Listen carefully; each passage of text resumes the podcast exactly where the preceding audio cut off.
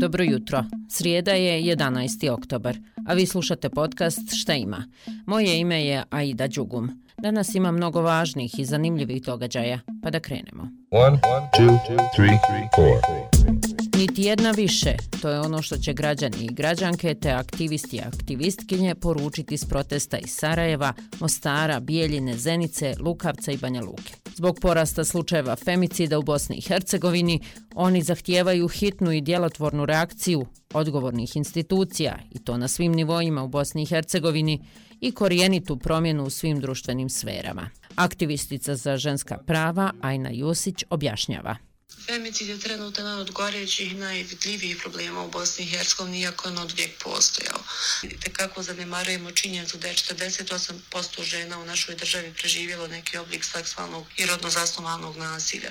Također zanemarujemo činjenicu da zbog nepovjerenja u instituciji i straha od društva žene vrlo rijetko prijavljuju nasilje u poroci i intimnim vezama. One nisu krive, krivo je društvo.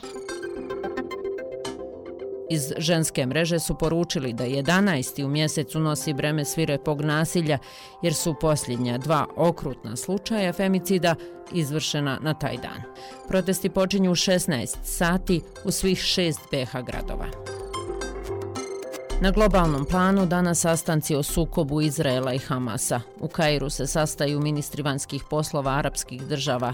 Kancelar Njemačke Olaf Scholz će o tome govoriti u parlamentu, a u Ramali će se javnosti obratiti palestinski premijer Mohamed Štaje. U Briselu počinje dvodnevni sastanak ministara odbrane NATO-a. Također u centru Evropske unije pokreće se globalna inicijativa za iskorjenjivanje dječje paralize.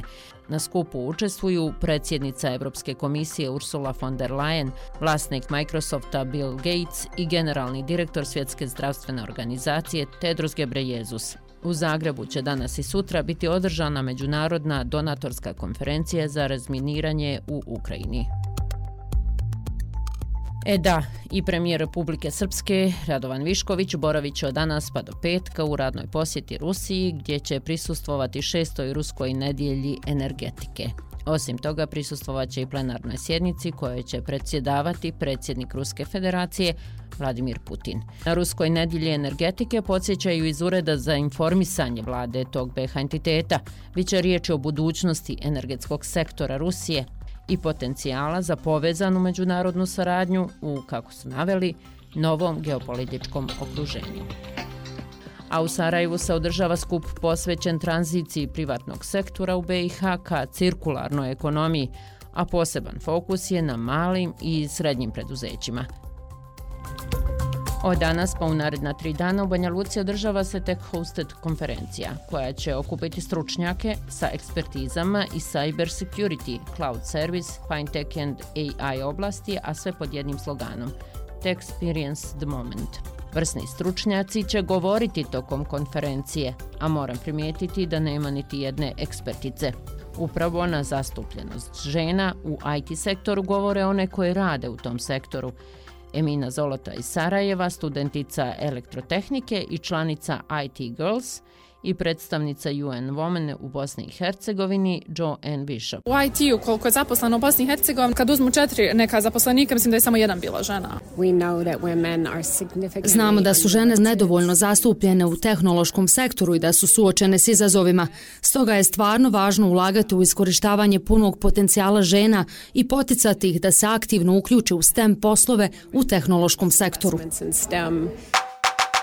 U Sarajevu se otvara pravo ljudski festival i to 18. po redu. Kroz četiri programske sekcije donosi 21 film koji propituje aktuelne, kulturne i društvene političke teme u vezi sa brigom i njegom te društvenu reprodukciju kroz ženski neplaćeni kućni i reproduktivni rad. Kumjana Novakova, direktorica festivala. Filmovi koji nastavljaju sa proptivanjem antropocentričnih narativa, zaštite okoliša, odnosa čovjeka okoliša. Ulaz je besplatan, a festival traje do 16. oktobra. I za kraj još jedan bitan i zanimljiv događaj. U Houstonu će NASA pokazati uzorak asteroida donijet na zemlju sa asteroida Bennu. Misija je pokrenuta u septembru 2016. a letjelica je uzorke prikupila četiri godine kasnije. I dugo putovanje natrag na zemlju završilo je prošlog mjeseca kada je uzorak u kapsuli sletio u pustinju Utaha. Tačno kako je planirano. E, Svemirska agencija događaj će uživo prenositi na NASA TV. Još odjava, a u odjavi da vam kažem da vam želim ugodan dan bez stresa. No stres, no stres. Valja ponekad i ponoviti. I čao.